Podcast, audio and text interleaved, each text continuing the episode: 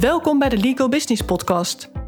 De podcast voor advocaten en legal professionals met passie voor het vak en de ambitie om zich verder te ontwikkelen op businessvlak.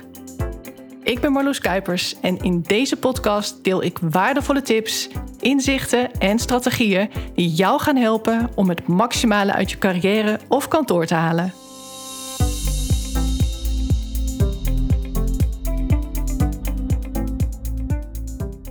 Laten we het weer eens hebben over de war for talent. De jacht naar toptalent in de advocatuur en het notariaat is nog steeds volop gaande. Het aanbod van vooral advocaat-medewerkers, senior-medewerkers en kandidaat-notarissen is nog steeds schaars. En dan gaat het vooral om mid-level professionals, goede mensen met zo'n 5 tot 7 jaar ervaring.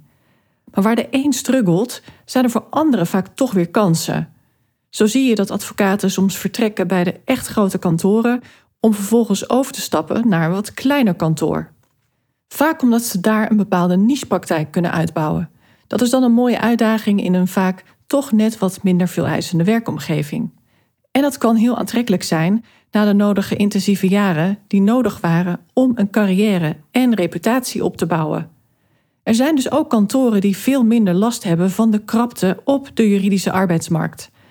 Maar hoe dan ook, het blijft voor elk kantoor heel belangrijk om echt een strategie te hebben als het gaat om het aantrekken en behouden, laten we dat laatste vooral niet vergeten, van de juiste mensen.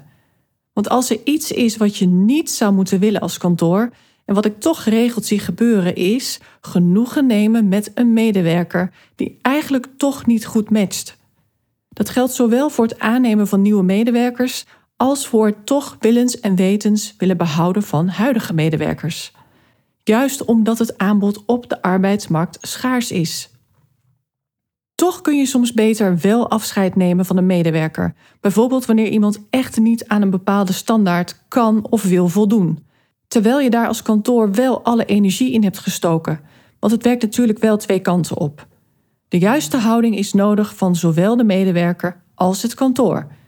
En als daar geen sprake van is, of het blijkt desondanks toch niet te werken, tja, dan is de koek gewoon op. Zo'n medewerker is dan ook geen wandelende reclamecel voor kantoor. Dat klinkt een beetje gekscherend natuurlijk, maar zit wel een kern van waarheid in. Want wat ik met wandelende reclamecel bedoel, is dat jouw medewerker precies datgene uitdraagt waar je als kantoor voor staat, zonder daar zelfs heel actief moeite voor te hoeven doen. Dat is wat je zou moeten nastreven als kantoor. En juist dat ontbreekt nu. Terwijl het er dus ook niet in zit voor de toekomst. Want die conclusie heb je dan getrokken. Je zult dus mensen moeten aantrekken die perfect passen bij jouw kantoor. Wat overigens niet wil zeggen dat je naar het schaap met de vijf poten moet gaan zoeken. Je moet wel realistisch zijn. En bovendien, wat op papier oogt als de perfecte match, daar kun je je wel eens in vergissen. Maar de vraag is nu natuurlijk: hoe vind ik in deze uitdagende markt dan toch die hele goede kandidaat? Een kandidaat met alle potentie om een perfecte match te worden. Laat dat vooral het streven zijn. Ik ga een paar stappen met je langslopen. Die zoektocht begint bij het opstellen van een heel goed profiel van de betreffende kandidaat.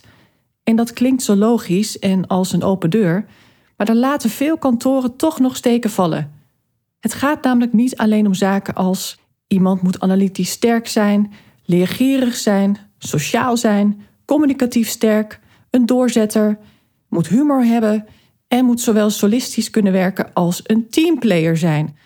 Nou is dit al een flinke waslijst natuurlijk, en toch is dit nog maar het begin.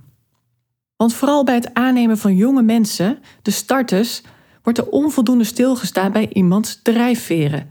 En vooral iemands lange termijnplannen terwijl dat zo belangrijk is. Want advocaat-stagiaires worden hopelijk hele goede, loyale advocaat-medewerkers, die met plezier nog vele jaren blijven om zich verder te ontwikkelen bij kantoor. Maar dan moet je wel op selecteren. Als je in die fase niet doorvraagt, heb je geen idee waar je op kunt rekenen. Hoeveel stagiaires zullen ook daadwerkelijk medewerker worden, als ze goed blijken te zijn? Want starters in de advocatuur willen bovenal het vak leren carrière maken en goed geld verdienen. Maar vervolgens, en dan zitten we op dat medewerkerlevel, is dat niet meer genoeg. Goed geld willen verdienen betekent namelijk niet dat je altijd maar meer geld wilt verdienen. En al helemaal niet dat je daar heel veel voor wilt opgeven. Ik besteed bewust ook veel aandacht aan die starter, hoewel de schaarste natuurlijk op het medewerkerniveau ligt. Maar daar kun je er niet meer van creëren. Het aantal mid-level advocaten is wat het is. Maar juist door veel beter te gaan selecteren bij het aannemen van advocaat-stagiaires, in plaats van er gewoon extra veel aan te nemen, kun je er als kantoor voor zorgen dat de retentie veel hoger komt te liggen. En dat maakt alles veel makkelijker. Want hoe langer iemand ergens naar volle tevredenheid werkt, hoe groter het risico is dat het elders tegenvalt. Dus de drempel om te vertrekken wordt steeds hoger. Niet alle starters denken al na over waar ze over vijf jaar willen staan, maar sommigen ook wel. Zo gaf ik laatst een lezing aan studenten van de rechtenfaculteit in Nijmegen. En er waren toch diverse studenten die na afloop bij mij kwamen met vragen over hun toekomstige carrière. Zij vroegen bijvoorbeeld aan mij: wat is nou verstandiger? Starten in de advocatuur en daarna het bedrijfsleven in? Of eerst in het bedrijfsleven beginnen om daarna misschien alsnog de advocatuur in te gaan? Hen lijkt dan zowel het bedrijfsleven als de advocatuur leuk en interessant. Maar wat is nou de slimste volgorde? Wat denk je wat mijn antwoord was? Ik weet dat er ook starters naar deze podcast luisteren, dus daarom deel ik ook hier mijn visie nog even. Kijk, als je allebei overweegt en ook oprecht geïnteresseerd bent in een carrière als advocaat, dan raad ik iemand altijd aan om te beginnen in de advocatuur. De advocatuur is ook echt een vak apart. Je leert enorm veel in die 3,5 jaar beroepsopleiding. Wat niet wil zeggen dat er niets te verbeteren valt in de beroepsopleiding. Daar zijn ze volgens mij ook volop mee bezig. Maar het is sowieso een waardevolle en nuttige tijd. Je wordt in die 3,5 jaar echt opgeleid voor het vak van advocaat. Als je geluk hebt. Want laten we eerlijk zijn, niet elke advocaat-stagiaire heeft evenveel geluk met zijn of haar patroon. Met het team waarin ze komen te werken of überhaupt het kantoor. Daarnaast bevinden zich in de beroepsopleiding met name veel jonge advocaten. Ze starten hun carrière allemaal in de advocatuur. En dat maakt die periode ook gezellig. Je zit toch in dezelfde levensfase. Ben je nou wat ouder, dan mis je natuurlijk die aansluiting. Al is dat ook weer niet zo'n punt voor velen natuurlijk. Ze staan er gewoon anders in. Ze hebben wellicht zelfs een nog sterkere drive. Het is dan een nog bewustere keuze: kiezen voor de advocatuur. Persoonlijk zie ik de advocaat-stagiaire tijd als een waardevolle aanvulling op de rechtenstudie. Dan heb je in het bedrijfsleven ook goede traineeships, maar het gaat om de meest logische volgorde van advocaat naar bedrijfsjurist of andersom. Een jurist is geen advocaat, maar een advocaat is wel een jurist. Die toegevoegde waarde van het beschermde beroep van advocaat, daar vind ik persoonlijk wel echt verschil in zitten. Wat weer niet wil zeggen dat elke advocaat per definitie beter is dan een jurist. Dat zeg ik niet, want dat is ook niet zo. Maar het advocatenvak vergt wel meer skills dan de functie van enkel jurist. En daarin onderscheidt een goede advocaat zich ook van een matige advocaat. Juist vanwege dat uitgebreidere pakket aan skills is een goede advocaat ook heel welkom in het bedrijfsleven. Ik zie de advocaat-stagiaire tijd in ieder geval als een waardevolle aanvulling op de rechtenstudie. Het geeft je waardevolle inzichten, ook als blijkt dat de advocatuur niets voor je is. Maar dat is natuurlijk niet in het belang van een advocatenkantoor. Advocaat-stagiaires aannemen die er vervolgens achter komen dat de advocatuur het toch niet voor ze is. De investering die je tegenwoordig moet doen om een advocaat-stagiaire op te leiden is niet mis, dus daar zit je niet op te wachten als kantoor. Dus wat is dan slim om te doen als kantoor? Allereerst helder hebben waar je als kantoor voor staat. Ik zeg het vaak, maar ja, die missie en die visie is gewoon heel belangrijk. Als je dat niet helder hebt, dan weet je ook niet wie je zoekt. Dan kun je ook dat profiel van die ideale kandidaat niet samenstellen, waar ik het eerder al over had. Ik zie veel te vaak slechte vacatureteksten en daar komt dat dus door. Kantoren hebben vaak niet haarscherp wie ze zoeken en hoe ze die ideale kandidaat moeten aantrekken. Dan krijg je vacatures of wervingscampagnes die er niet voor gaan zorgen dat er een goede voorselectie plaatsvindt. Kapitalen worden er soms uitgegeven aan werving- en selectiebureaus, terwijl het geregeld toch geen lange termijn plaatsing blijkt te zijn. Hoe kan dat nou? Hoe kun je dat wervingsproces als kantoor nou positief beïnvloeden als je het grotendeels hebt uitbesteed. Ik ga hier nu niet uitgebreid op in, want dan dwaal ik te veel af. Ik heb al veel te vertellen vandaag, maar je kunt het mij persoonlijk vragen als je hier benieuwd naar bent. Maar zoals je mij al hoorde zeggen, pas wanneer je als kantoor die missie en visie helder hebt, pas dan kun je een heel scherp profiel gaan opstellen van de kandidaat die je zoekt. Pas dan kun je ook dingen gaan delegeren. Pas dan kun je ook gaan nadenken over hoe je de sollicitatieprocedure en de inhoudelijke gesprekken gaat aanvliegen. Het is daarbij trouwens echt verstandig om wat af te wijken van de standaardprocedure. Allereerst is het slim om te onderzoeken waarom een sollicitant eigenlijk de advocatuur in wil, of waarom iemand in de advocatuur wil blijven, als het om een advocaatmedewerker gaat. Want ook al verwacht je het misschien niet, er zijn wel degelijk jonge mensen die hun carrière al bijna van A tot Z hebben uitgestippeld. Of dat ook zo gaat uitpakken is natuurlijk nog maar de vraag, maar de lange termijnvisie is er nu al wel. Op basis daarvan nemen ze beslissingen. Ze hebben al een plan. Zo sprak ik laatst eens iemand die zei: Ik ga een paar jaar als advocaat op de Zuidas werken en dan ga ik naar KPMG. Ook sprak ik een eerstejaars advocaat stagiaire die tot mijn verbazing al nadacht over een eigen kantoor. Op vrij korte termijn dan, hè? Het was geen ooit wil ik eens gaan ondernemen instelling. Dat vind ik niet per se een goede ontwikkeling, moet ik zeggen. Het ondernemerschap is sowieso geen appeltje-eitje. En de kwaliteit binnen de advocatuur moet wel hoog blijven, lijkt me. Ik zie de advocatuur echt als een leerschool. Het is echt een vak wat je moet leren. En advocaatondernemers die ik ken, die een buitenpatroon hebben gehad, die geven vaak aan geen goede opleiding te hebben gehad. Maar sommige starters weten dus van tevoren al dat ze geen carrière als advocaat nastreven, maar juist het bedrijfsleven in willen. De ervaring in de advocatuur wordt als opstapje gebruikt.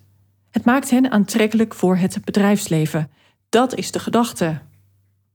Vaak wordt tijdens de sollicitatiegesprekken door kantoren niet verder doorgevraagd dan hetgeen de specifieke functie betreft. Of er wordt gevraagd naar iemands hobby's of interesses om een beeld te krijgen van de persoon kan ik daar ook een gezellig gesprek mee voeren bij het koffieapparaat, bij wijze van. En dat echte doorvragen was vroeger wellicht ook niet zo nodig, maar nu wel. Vroeger werd jobhoppen ook gezien als iets negatiefs. Die persoon kan blijkbaar niet voor een baas werken. Die persoon is wispelturig, snel verveeld. Die denkt dat het gras elders altijd groener is. Die heeft een gebrek aan loyaliteit, etc. Maar tegenwoordig is dat gejophop vrij normaal. Dan kun je bij een flinke rits aan hele korte dienstverbanden natuurlijk wel je vraagteken stellen. Maar goed, je moet er als succesvol kantoor wel van bewust zijn dat je weliswaar aantrekkelijk bent als werkgever, maar wellicht wel om de verkeerde redenen. En dat dit dus ook betekent dat medewerkers mogelijk sneller gevlogen zijn dan je verwacht. Dat kun je maar op één manier inperken en dat is selecteren aan de poort. Daarvoor moet je allereerst scherp hebben wie je zoekt en dus ook onderzoeken wat de dromen en verwachtingen van die ander zijn. Dan weet je als kantoor niet alleen of je überhaupt wel met de ideale kandidaat om tafel zit, maar ook of jullie wel aan de verwachtingen van die kandidaat kunnen voldoen. Als het antwoord op beide vragen ja is, dan maakt dat de kans op een succesvolle, langdurige samenwerking natuurlijk veel groter. Door de juiste vragen te stellen, kun je er als kantoor echt wel achterkomen of de advocatuur iemands droom is. Of dat het meer een logische vervolgstap is voor die persoon. Wellicht doet iemand het vooral voor de status van advocaat. Of dus om een ideale kandidaat te worden voor topfuncties in het bedrijfsleven. Er zijn subtiele gesprekstechnieken die er echt voor kunnen zorgen dat waardevolle informatie boven tafel komt. Nu we het toch weer even over het bedrijfsleven hebben, ik ga KPMG even aanhalen als goed voorbeeld. Speciaal voor alle partners en bestuurders die luisteren, of HR-medewerkers. Neem eens een kijkje op de recruitment site van KPMG, want dat doen ze namelijk heel goed.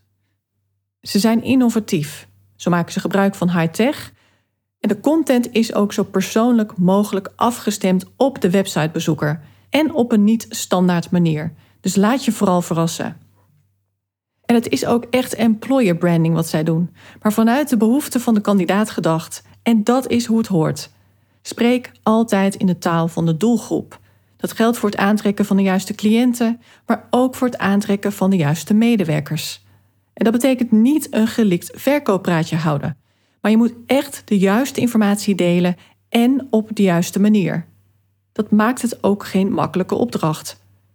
Ik zal ook even de link delen naar de recruitmentpagina en dat is werken bij kpmg.nl. Dan kun je zelf ervaren wat ik bedoel. Niet gesponsord trouwens. En hoe doen advocatenkantoren het nu? Ik heb er even extra op gelet vanwege deze aflevering en er zijn mij wel een paar dingen opgevallen. In de jacht naar talent zijn veel kantoren zich gaan aanpassen om maar aantrekkelijk te worden voor studenten en nieuwe medewerkers. Er wordt echt gedacht vanuit de nieuwe generatie. Op zich is dat ook heel goed natuurlijk. Die nieuwe generatie vindt salaris wat minder belangrijk dan maatschappelijke betrokkenheid en zingeving. Dat is althans de ervaring van veel kantoren. Ik weet dat ik eerder in deze aflevering nog zei dat jonge advocaten gewoon goed geld willen verdienen. En dat is ook zo, is mijn ervaring. Maar dat wil dus niet zeggen dat ze bereid zijn om enorme concessies te doen voor meer geld. Veel salarissen van starters in de advocatuur zijn goed en concurrerend. Door meer dan een goed salaris te bieden, ga je ze niet binnenhalen en ook niet binnenhouden. Dat is wat ik bedoel te zeggen. Het is voor hen veel belangrijker wat ze voor het geld moeten doen. Ik denk dat dit de spijker op zijn kop is. Voor veel geld dingen moeten doen waar je niet helemaal achter staat. Daartoe zijn steeds minder mensen bereid. Dan nog liever minder verdienen, maar wel heel leuk werk hebben. Werk waarin je je echt kunt ontwikkelen en waar sprake is van een prettige werksfeer met leuke collega's. Dat is veel aantrekkelijker dan meer verdienen. En dat is waarmee je als organisatie punten kunt scoren. Daar wil ik nog wel even een kanttekening bij plaatsen, want ik zie ook dat er soms iets te veel gepleased wordt door kantoren. Juist door dat denken vanuit de nieuwe generatie professionals. Ze willen zus, ze willen zo, dus moeten wij dit en moeten we dat. Je moet daar natuurlijk ook wel op inspelen, dat snap ik ook wel, maar je moet daar tegelijkertijd wel goed over nadenken. Wie A zegt, moet ook B zeggen. En kun je dat als kantoor? Wil je dat ook? Want door voor alles te roepen wat als aantrekkelijk wordt betiteld, kun je misschien wel makkelijk mensen aantrekken, maar je behoudt ze waarschijnlijk niet. Je zult de gewekte verwachtingen namelijk ook moeten waarmaken. Ik kan genoeg voorbeelden noemen van kantoren die dat niet is gelukt. Als het gaat om marketingactiviteiten om talent aan te trekken, dan valt het me op dat er ook advocatenkantoren zijn die duurzaamheidsaspecten in hun slogans verwerken. En dan krijg je toch al gauw dat window dressing gevoel, net als met diversiteit en inclusie. Prachtig voor de bühne, maar kun je het aan de achterkant ook echt waarmaken? Want als mensen volledig aangaan op dat soort thema's en juist om die reden bij jouw kantoor willen werken, reken er dan maar op dat ze zwaar teleurgesteld zullen zijn als blijkt dat het toch allemaal wat minder rooskleurig en idealistisch is achter de schermen. Ik snap heel goed dat kantoren juist die andere kant willen laten zien. We zijn niet alleen commercieel, maar ook maatschappelijk betrokken, hechten aan duurzaamheid, zijn voor diversiteit, etc. Maar de vraag is: wat is de juiste tijd en plaats om het daarover te hebben? In wervingscampagnes is het in mijn beleving vooral belangrijk om toch allereerst bij de essentie te blijven van het juridische vak. De advocatuur en het notariaat zijn nou eenmaal zakelijke branches. Bepaalde types zullen zich daar nooit thuis voelen, denk ik. Of ze beginnen een eigen kantoor. Dan kun je binnen de regels van de orde natuurlijk doen en laten wat je wilt. Maar daar ziet deze aflevering niet op. Ik heb het in deze aflevering vooral over de grotere, professionele, zakelijke kantoren, die voortdurend op zoek zijn naar hele goede mensen. Kantoren die vaak kapitalen uitgeven aan werving- en selectiebureaus. Dure marketingcampagnes. Met vaak ook een grote P&O- en marketingafdeling. Kantoren waarvoor bepaalde verkeerde beslissingen enorme gevolgen kunnen hebben. Als beslissingen genomen worden met de beste intenties, maar ze zijn gebaseerd op een verkeerde visie, dan kun je wel nagaan wat er gebeurt. Het is een neerwaartse spiraal. Er ontstaat dan een sneeuwbaleffect, want alle beslissingen zijn dan gebaseerd op een verkeerde veronderstelling. Anderzijds kan een kleine twist in denken en in strategie juist ook weer zorgen voor een positief katalyserend effect. Voor alles geldt je moet bij de basis beginnen, dus dat geldt ook voor wervingscampagnes. Laat ik de zoektocht naar die hele goede advocaat-medewerker maar even als voorbeeld nemen. Alle trends dus bij het iemand moet allereerst toch echt van het juridisch inhoudelijke vak houden. Dat en alleen dat moet nog steeds de primaire motivatie zijn om de advocatuur in te gaan. Anders is het verloop voorspelbaar hoog. Er hoeft maar iets tegen te zitten en ze zijn vertrokken. Kijk maar naar het corona-effect.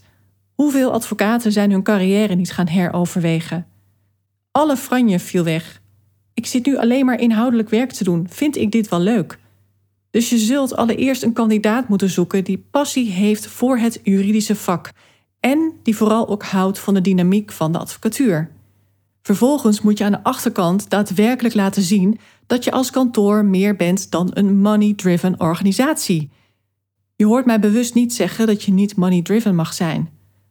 Want dat heeft in mijn ogen niet alleen een negatieve betekenis. Je zult actief op cijfers moeten sturen om een gezonde kantoororganisatie te realiseren en ook in stand te houden.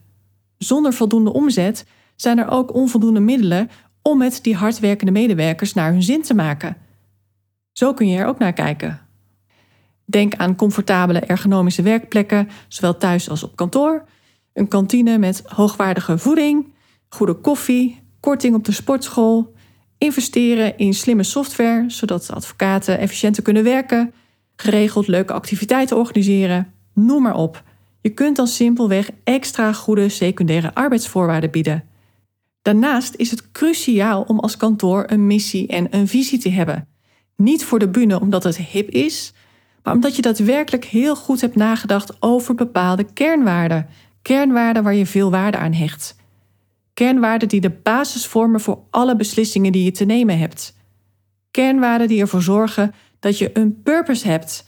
En purpose is ook zo'n woord dat zich gewoon niet zo goed laat vertalen, want het gaat niet om gewoon een doel hebben, maar het gaat een laag dieper. Purpose-driven zijn. Dat is waarin je als kantoor echt kunt onderscheiden.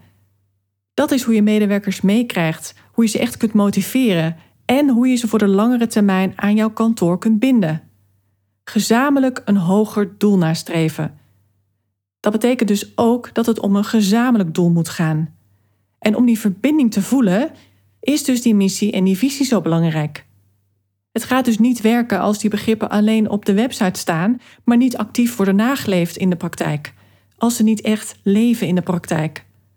Als je op de website bepaalde uitlatingen doet, waaraan je in de praktijk niet houdt als kantoor, dan ga je nat natuurlijk. En dat is ook wat ik geregeld hoor van advocaat-medewerkers die ik coach en train, wanneer ze het hebben over het kantoor waar ze werken. Hoe anders de realiteit soms is ten opzichte van wat het kantoor naar buiten toe uitdraagt. Daarom moet je als kantoor ook voorzichtig zijn met wat je op de website zet en met de keuze voor bepaalde marketingslogans. Ik hanteer bepaalde marketing- en copywriting-regels. En het gaat allereerst om wat wil je bereiken. Als ik dan slogans zie als werken aan de wereld om je heen in een wervingscampagne voor een advocaat-medewerker, dan zie ik de relevantie niet. Betreft de slogan de essentie van het vak van advocaat of draagt het bij aan het concrete doel van de campagne? Volgens mij niet. Moet zo'n slogan dan in een wervingscampagne staan? Ik denk persoonlijk van niet. Want is dat nou echt wat je doet als advocaat? Werken aan de wereld om je heen. Heel eerlijk, al werk je veel voor non-profit organisaties, dan nog ben je hen aan het ondersteunen en wel op juridisch vlak. De wetgeving is jouw vak en niet het duurzaamheidsbeleid van die organisatie. Kijk, ik snap de goede intentie wel met zo'n slogan. Maar in mijn optiek heb je het als advocatenkantoor dus helemaal niet nodig om zoiets te zeggen. Want mensen die echt actief aan de wereld om hen heen willen werken, die gaan wel voor een non-profit organisatie werken. Of een eigen advocatenkantoor beginnen met een heel eigenzinnige praktijk. Als je als kantoor alleen maar bezighoudt met bijvoorbeeld mensenrechten, milieuzaken en duurzaamheid, dan past zo'n slogan weer wel. Dan raakt het wel degelijk de kern van het vak. Maar je moet dan eerder idealistisch zijn als kantoor dan commercieel. Even terug naar de wat algemenere advocatuur. Duurzaamheid is een hot topic natuurlijk. Maar je hoeft als advocatenkantoor niet dezelfde reputatie te hebben als Greenpeace. Het is appels met peren vergelijken. Je bent als advocatenkantoor een commerciële instelling en geen liefdadigheidsinstelling. De wereld veranderen doet iedereen die dat wil wel op zijn of haar eigen manier. En als kantoor kun je onmogelijk in al die persoonlijke behoeftes voorzien. Je kunt onmogelijk iedereen tevreden stellen op dat vlak. Want kijk alleen maar naar hoe mensen over dierenleed denken. De een vindt biologisch vlees eten heel diervriendelijk, de ander vindt dat je moet beperken tot max twee keer in de week. De ander is strikt vegetarisch en vindt dat duurzaam genoeg, terwijl anderen dat alsnog onvoldoende vinden en weer een stap verder gaan door strikt veganistisch te eten. Met autorijden en reizen net zo. Helemaal niet vliegen of die CO2 gaan compenseren door extra te betalen. En dan heb je nog mensen die helemaal tegen autorijden zijn, terwijl een ander zichzelf heel duurzaam vindt omdat hij of zij in een Tesla rijdt. Of neem ook kleding. Wat is duurzaam genoeg? Iemand koopt bewust geen kleding die niet duurzaam is geproduceerd. Die gaat dus voor kwaliteit boven kwantiteit. Waar een ander nog een stap verder gaat en alleen voor vintage of pre-loved items gaat. Of juist voor een minimalistische capsule wardrobe. Dan heb je een select aantal items die je eindeloos combineert en that's it. En minimalisme, dat kun je natuurlijk heel ver doorvoeren. Maar dat kunnen mensen dus prima in hun privéleven doen. Daar invulling aan geven op een manier die bij hen past. Als kantoor is het naar mijn beleving genoeg om oprechte aandacht te hebben voor duurzaamheid en voor maatschappelijke relevantie. En natuurlijk al die andere belangrijke topics, zoals diversiteit, inclusie, noem maar op. Maar dat moet dan wel in het kantoor-DNA komen te zitten en niet zozeer op papier komen te staan in een wervingscampagne voor nieuwe medewerkers. Ik zou dat trouwens wel weer op de website zetten. Een kandidaat die bepaalde thema's heel belangrijk vindt, die gaat vanzelf op onderzoek uit. En waarschijnlijk zal die persoon het onderwerp ook aansnijden tijdens een gesprek. En dat is de tijd en plaats om hier meer gedetailleerd over in gesprek te gaan, als je het mij vraagt. In plaats van je als kantoor in alle bochten te wringen om maar duurzaam te zijn, terwijl je het misschien vooral doet om aantrekkelijk gevonden te worden, maak het jezelf dan niet zo moeilijk. Duurzaamheid is belangrijk, maar laat het vooral over aan de medewerkers die hier al hele goede ideeën bij hebben. En die ook echt de behoefte voelen om in de uitvoering betrokken te worden. Geef medewerkers die veel waarde hechten aan duurzaamheid of maatschappelijke thema's dus de ruimte om daar zelf invulling aan te geven. Bijvoorbeeld door hen bepaalde nevenfuncties te laten bekleden namens kantoor, of biedt hen de mogelijkheid om bepaalde initiatieven te ontplooien binnen kantoor. Ik geloof erin dat je dingen zo praktisch mogelijk moet aanvliegen. Een beetje vanuit de gedachte who, not how. Je hoeft als bestuur het wiel niet uit te vinden. Niet als op de werkvloer mensen rondlopen die al bruisen van de ideeën. Zij willen juist heel graag met dat soort thema's bezig zijn. Je kunt daar ook rekening mee houden bij de verdeling van zaken. Iemand die echt heel veel waarde hecht aan het werken voor bepaalde non-profit organisaties, hen ook die kans geven. Want het is een andere kantoorgenoot wellicht om het even. Dan is het toch zonde als je daar geen rekening mee houdt en die specifieke zaak niet bij die ene medewerker terecht laat komen. Ik heb al wat algemene dingen gezegd over marketingslogans. Misschien is het een goed idee om wat meer concrete voorbeelden te delen. Wat vind ik nou goede campagneslogans en welke vind ik wat minder goed?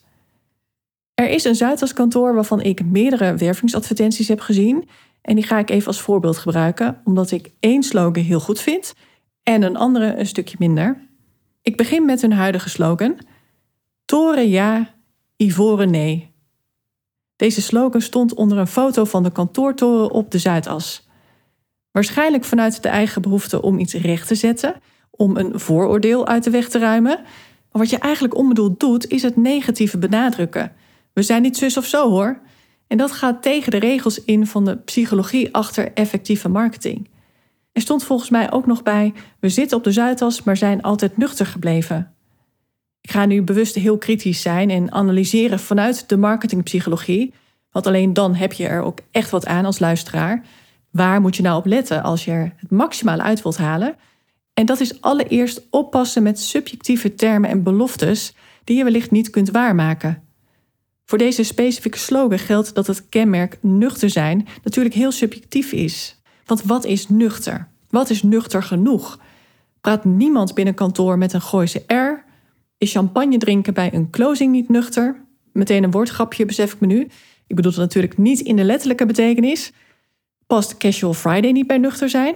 Omdat dat zou betekenen dat het de rest van de week dus verplicht een jasje-dasje is. Maar hoezo zou je als je altijd een pak aan hebt niet ook nuchter kunnen zijn? Dat gaat volgens mij prima samen. Maar anderen zullen daar ongetwijfeld weer andere ideeën over hebben. Ik weet vrijwel zeker dat niet iedereen bij een Zuidas-kantoor als nuchter zou worden omschreven. Ook als je als kantoor van mening bent dat de kantoorcultuur toch vrij nuchter is vergeleken met andere Zuidas-kantoren. De vraag is ook: streef je er als kantoor naar om nuchter te zijn of ben je het ook echt? En dan bedoel ik in alle lagen binnen de organisatie. Als dat nog niet zo is, dan neem je als kantoor wel een risico als je jezelf als nuchter in de markt positioneert. Strikt genomen is het een mogelijke setting yourself up for failure campagne. Ik zeg niet dat de keuze van dit kantoor verkeerd is, want dat kan ik nu niet beoordelen. Maar wat ik wel objectief kan beoordelen is dat het marketingtechnisch wel altijd een risico is. Dus je moet daar van tevoren goed over nadenken. En ik zou het kantoor in het algemeen niet aanraden om een risico te nemen met termen waarvan een kandidaat kan denken: dat is ongeloofwaardig of nog stelliger, dat is niet zo. En je moet natuurlijk ook oppassen met hele aantrekkelijke claims die je niet kunt waarmaken. Je moet dus wel weten wat je belooft als kantoor. Laat dat vooral mijn boodschap zijn. Willen we dit zijn of zijn we dit ook echt voor de volle 100%? Over het algemeen geldt ook dat creatiever zijn niet altijd beter is in wervingscampagnes. Het kan ook te ver gezocht zijn en dan gaat het compleet voorbij aan de essentie van het vak van advocaat en het doel van de campagne. Nu kom ik bij een iets oudere slogan van hetzelfde kantoor, die ik wel heel goed en scherp vind. En die luidt als volgt: Ben jij te slim om alleen advocaat te zijn? Die is perfect. Daar word ik heel blij van. Want die slogan blijft echt bij de essentie van het vak, maar geeft tegelijkertijd ook zoveel meer mee aan informatie. De functie van advocaat vergt naast inhoudelijke vakkennis ook nog andere skills en een ondernemende mindset. En dit kantoor won er in 2019 ook de publieksprijs mee, de Gouden Bef. En terecht wat mij betreft. Ik kan nu eigenlijk ook wel verklappen welk kantoor het is, want ik heb ze natuurlijk een enorm compliment gegeven. Het is CMS en de recruiter van CMS die gaf in een interview aan we hebben gekozen voor deze slogan omdat deze vraag in onze ogen alles omvat wat wij zoeken in een goede advocaat. Juridisch inhoudelijk natuurlijk ijzersterk, maar alleen daarmee kom je er niet.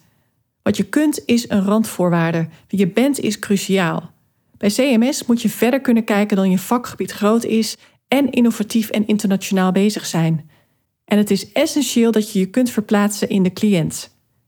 Nou, ik kan het hier alleen maar voor de volle 100% mee eens zijn. Deze visie, dat is wat zij moeten uitdragen.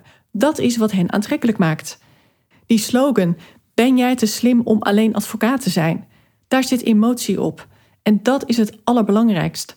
De juiste mensen gaan ervan aan. Zij raken getriggerd en daarom komen zij in actie. Dat is wat je wilt. Dat gebeurt niet door een feitelijke mededeling. Om maar even het contrast aan te geven. Ook al is het een hele positieve mededeling. Neem bijvoorbeeld deze slogan. Ook jij vindt bij ons waar je volgende stap om vraagt. Want die zag ik ook. En bij deze slogan denk ik meteen: dat is nog maar de vraag. Het is maar net wie de advertentie leest. Dat klinkt misschien heel flauw, maar het geeft wel aan dat het persoonlijke ontbreekt, de emotie ontbreekt, het triggert niet. Het valt in de categorie feitelijke mededeling. En dat is gewoon niet sexy. Een slogan die ik ook goed vind is deze: met het wetboek in zijn hoofd en ondernemen in het bloed. Ik moet even iets meer delen over de vormgeving van de advertentie.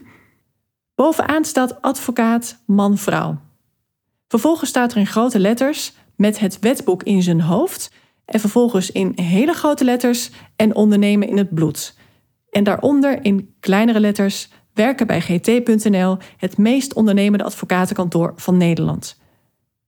Goeie slogan, maar ze maken wel een foutje. Advocaat, man-vrouw maar blijkbaar zoeken ze toch een man. Want er staat met het wetboek in zijn hoofd. Nou is het sowieso beter om mensen direct aan te spreken, dus niet in de derde persoon. Dus waarom niet met het wetboek in je hoofd en ondernemen in het bloed? Want je zoekt toch de lezer, die potentiële topkandidaat. Die wil je toch aanspreken?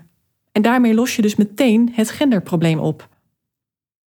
Maar ik vind de slogan op zich echt heel goed gevonden en ook weer de emotie raken.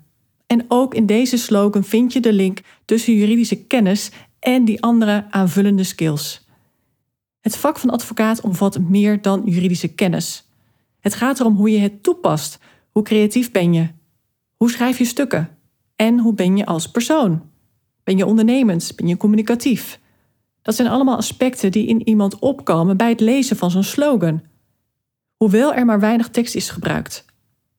Het doel van een slogan is een boodschap overbrengen en de juiste persoon aan het denken zetten. En dat doet ook deze slogan.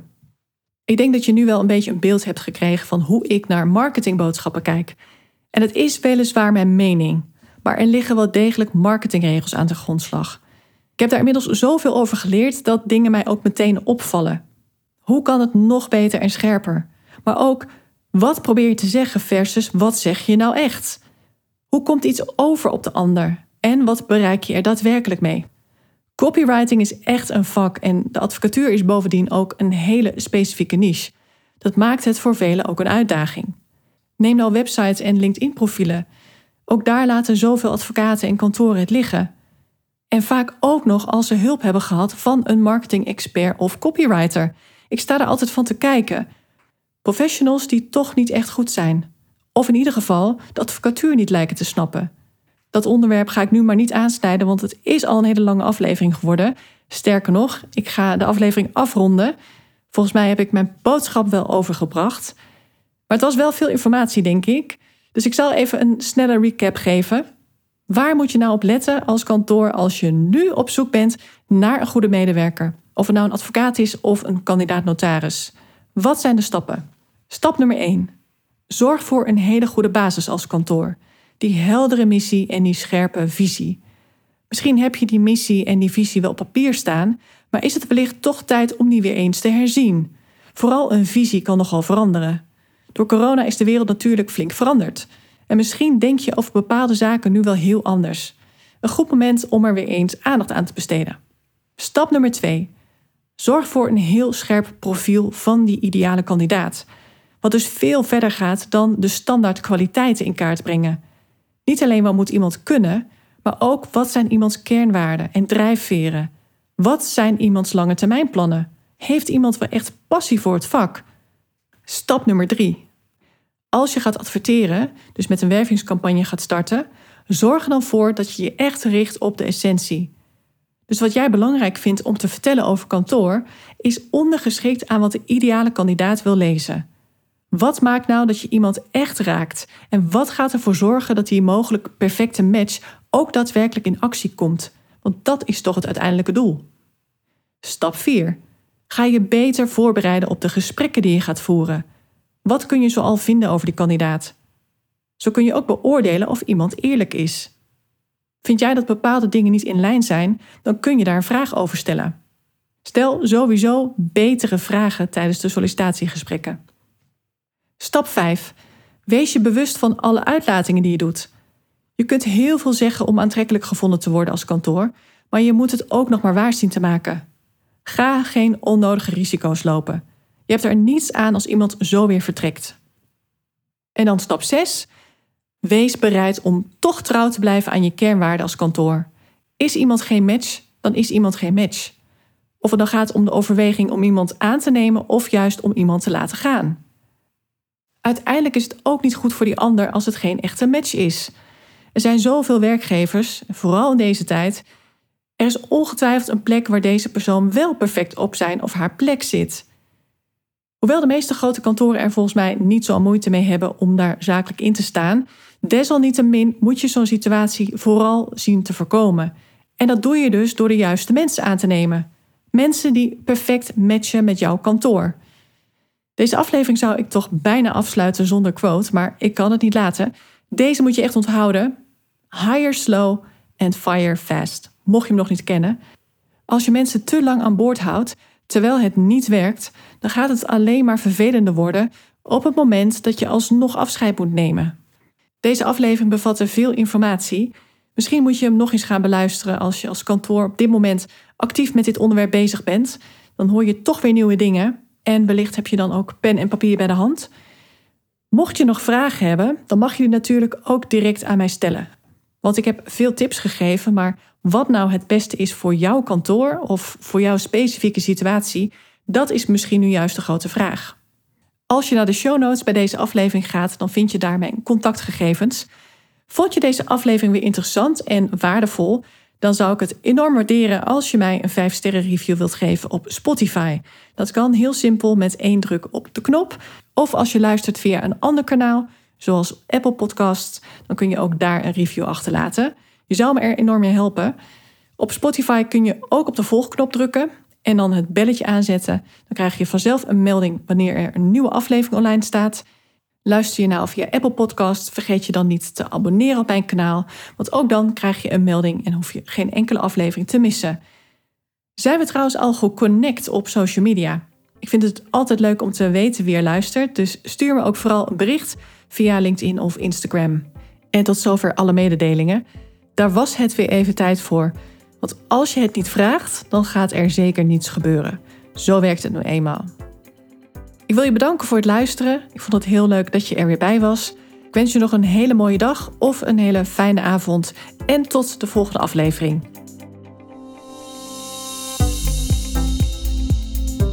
Dankjewel voor het luisteren. Mocht je deze podcast waardevol vinden, abonneer je dan of volg mijn podcast zodat je geen aflevering hoeft te missen. En deel hem ook vooral in je netwerk. Ook zou je mij een groot plezier doen met een 5-sterren review die je kunt achterlaten op iTunes. Niet alleen wordt de podcast dan beter gevonden, maar je helpt ook weer andere advocaten en juristen in hun reis naar succes en geluk. Uiteraard vind ik het leuk om te horen wat je meeneemt uit deze aflevering. Stuur me een bericht op LinkedIn of mail naar info.marloeskuipers.nl.